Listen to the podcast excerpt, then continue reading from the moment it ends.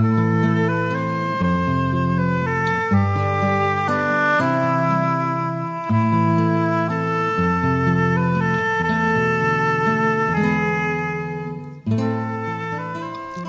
dis Dinsdag aand, dis storietyd aand. Dis kortom aand.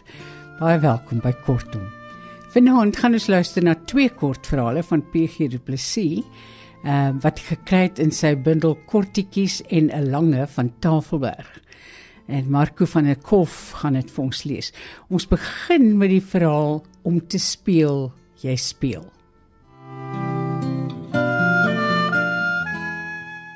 Maar is oupa dan nie dood nie? het die kind gevra. Sy het skraal langs die tafel gestaan en haar naggebaai. En haar voete was koud op die linoleum. Die ou vrou was hardhoorend. Haar aandag was by die deeg. Sy het die roller op die deeg gestamp en gerol en gestamp en gevou en gerol en gerol. Nie een van die twee het na die wekker op die kombuiskas gekyk nie. Die wekker se wysers het op kwart oor 3 gestaan.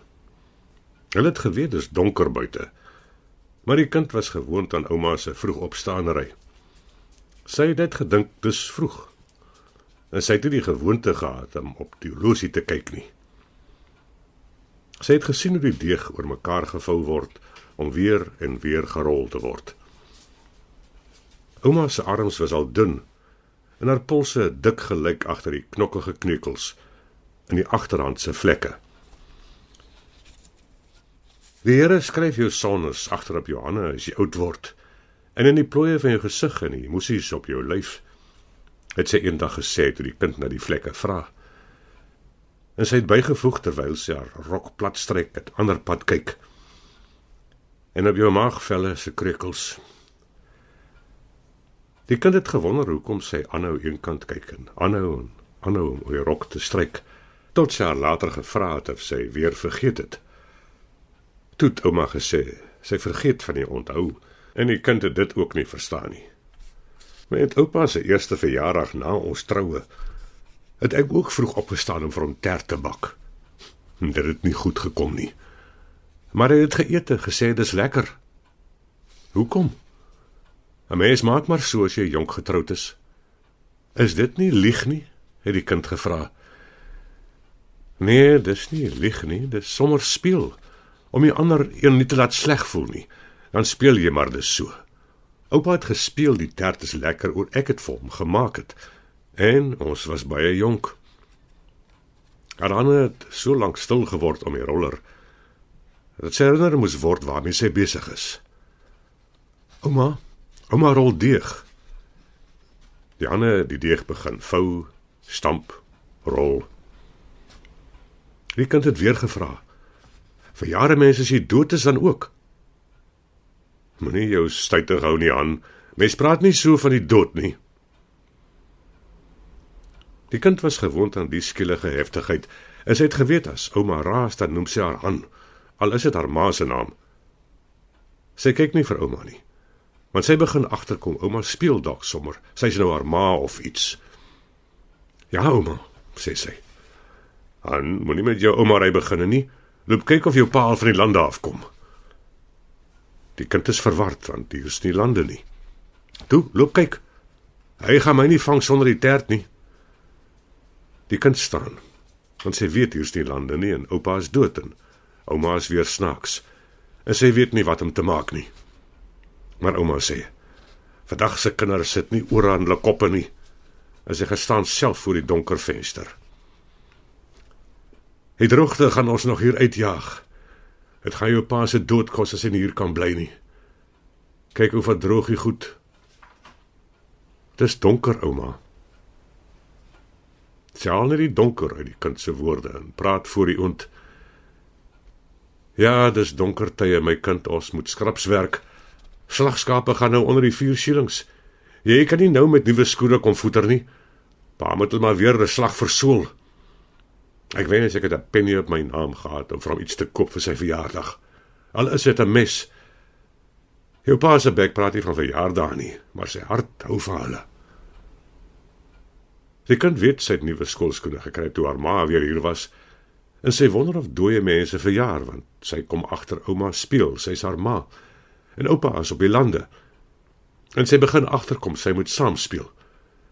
Toe sê sy vir haar ouma, "Ma, ek weet maar." Haar woorde laat erkenning in die ou vrou se oë flikker. En sy begin die tafel dek, haastig. Jou pa kom van die lande af aan, help vir ma, dan sit ons die goedjies mooi reg en loop half vir ma die goeie tafel toe uit die boonste laai. Spring my kind, jy ken jou pa. Hy's haastig as hy weer wil terug lande toe. Toe, spring. Die kind spring en sy gaan haal die plastiektafeldoek en gooi hom oor die tafel.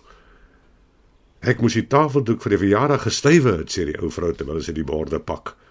Die kind kyk na die noukeurigheid en sorg waarmee sy die tafel dek. Tot sy sit en sê: "Ek wonder waar bly pa vandag? Hy kom altyd vir seisoen die tyd van die dag." Sy gaan na die venster toe en kyk uit. Dis nog donker, ouma, sê die kind. En die ou vrou hoor al die woorde en vee oor die donker ruit.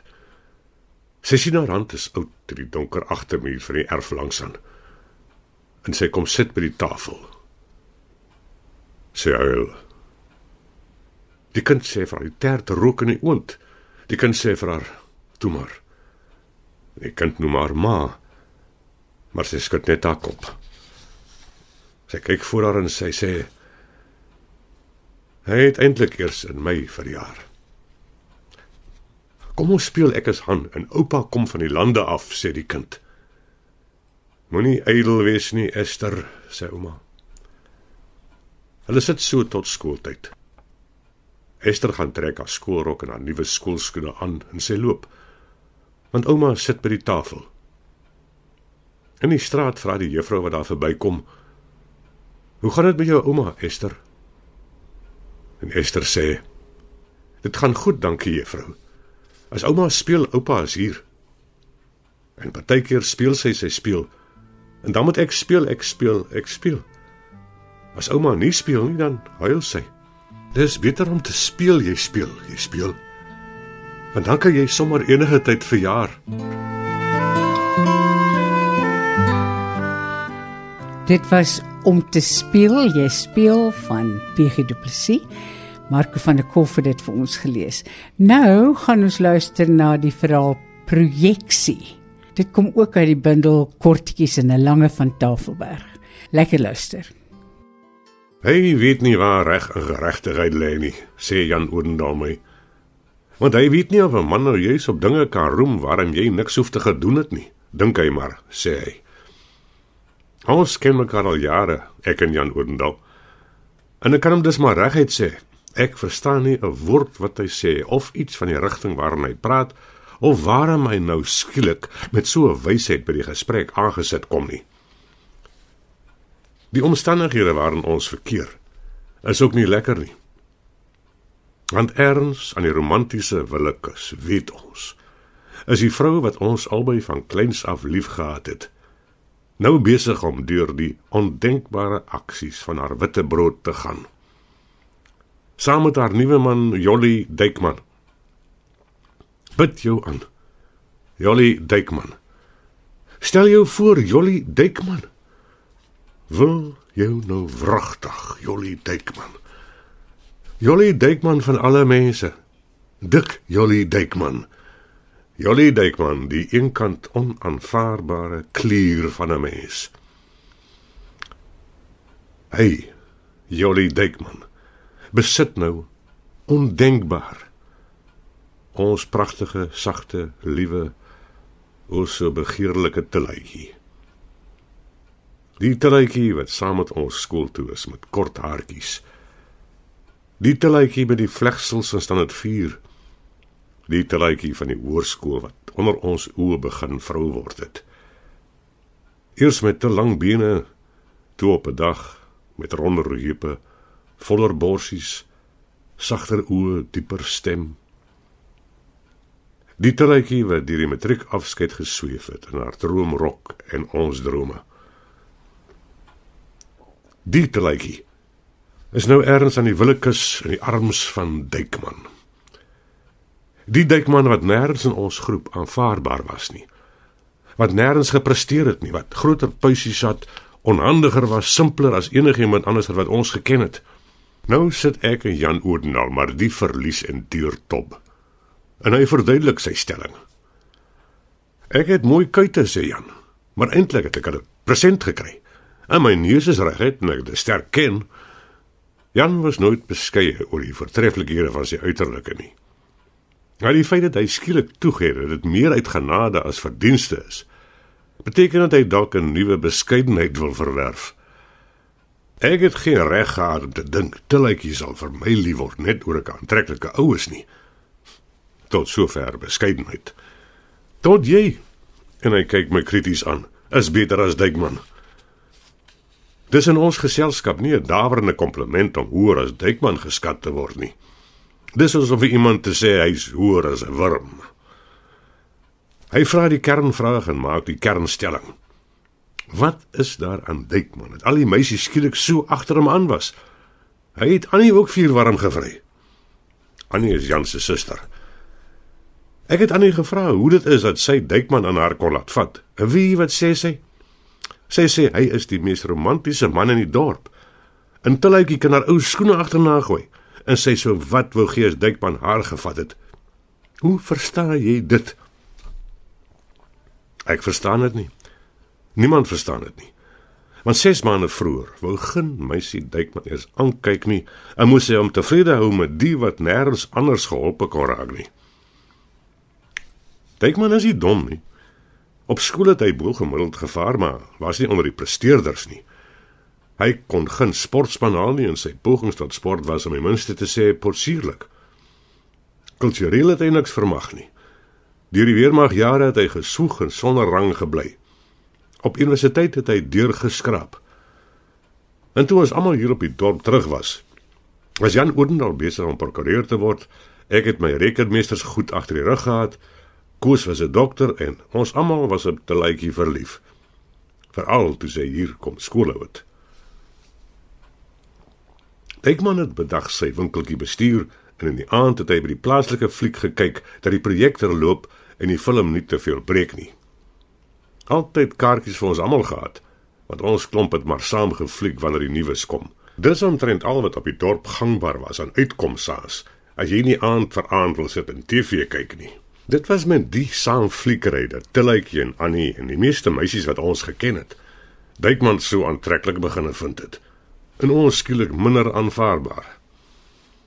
En nou stap ek en ja, word nog die straat af om te gaan koffie drink by Waldman se kafee. En ons harte lê diep in ons. Want Tilletjie is ondenkbaar ver. In die arms van Dykman op hulle witte brood waaraan ons liewer nie wil dink nie. Waldman se kafee sit langs sy fliek. En ons gaan daar in en gaan sit sommer by hom flip wat aan die gang bly met enige neembare en verkwanselbare foto op die dorp. Troues, klasportrette, die kerkraad, babas en so. Hy het Dykman en Tilletjie ook afgeneem aantrek kerk resepsie. Ons praat sommer. Nee, sê Flip. Die troue het goed gekom. Dit is seker die mooiste bruid wat ek in my lewe die voorreg gehad het om te fotografeer. Soveel liefde en bewondering het ek in my lang loopbaan as fotograaf nog nooit uit 'n bruid sien straal nie. Pragtig. Sy is seker die mooiste meisiekind wat nog uit die dorp gekom het. En sy is lief vir daardie dykman. Al fotografeer die man nie goed nie. Oom Flip moenie van hulle so bymekaar praat nie, hulle pas nie, sê Jan. Die kan jy wragtig weer sê. As daar 'n ding soos geld aan Dykman was, sou ek gedink het hulle vat hom vir sy geld. Vir wat anders? Maar geld het hy nie. Hy skuld my nog vir daardie foto's van julle klomp wat hy hier laat maak het. Van ons vrouens. Want ons weet nie van so iets nie. Dit blyk toe dat hy van ons almal 35 mm deurkykfoto's laat maak het. Baie van hom ook. Dis toe dat Waldman van die kafee en die fliek by ons kom sit en sy eie mening oor Dykman gee. Die man is simpel, sê Waldman, simpel. Hy het my in die grootste moeilikheid by die verspreiders van die films laat beland. Hy het goed sommer met foto's gelas. Wie se foto's vra Jan? Hulle het die films teruggestuur en gesê ek moet die goed behoorlik las, sê Waldman. Wie se foto's het hy gebruik om die films te las, vra Jan. Wat ek gesien het, Jullison en sy eie, Toe hom Flip en Waldman loop, vertel Jan my dat as jy een rampie in 'n film sit, kan jy die ding nie eens agterkom nie, maar jou oog sien hom en hy beïnvloed jou sonder jy weet. Hy wys my boeke van hoe dit in die advertensiewese verbied is en ek sê ek glo dit nie. Marian sê ons moet vir Waldman aanbied om daardie films vir die vervaardiger skoon te maak. Ons doen dit. En ons sien hoe Duykman se eie gesig in die romantiese tonele ingeglip het in ons sin tussen die kroeks. Die dat almal so van hom begin hou het en ons eenkant toe gestoot het. Toe hy terugkom, is hy omtrent verbaas om te hoor ek en Jan help nou by die projektor. En toe huwelik begin skeefloop, het Dykman sy werk by die projektor kom terugvra. Want hy het hulle niks aangedoen nie en sy beskou hom deesdae as waglik, ongemanierd, wreed en so voort. Jan sê hy weet nie of hy hulle na die egskeiding gaan vat nie. Want by die nuwe romantiese beeld wat hy onder die dorp se meisie sit, het hy eintlik nie 'n huwelik nodig nie. Waldman kan nie verstaan hoekom 'n prokureur sy projektor verniet bedien nie. Net Dykman probeer sy werk terugkry. Want dit gaan nie goed met die huwelik en die winkel nie. Dit het ek maar vir Truitjie gaan vat. Sy kon dit tog nie help nie.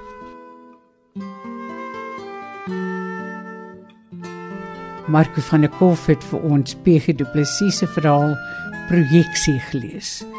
Van my Margaret alles van die aller aller allerbeste tot volgende keer. Mag dit met ons almal goed gaan. Totsiens. thank you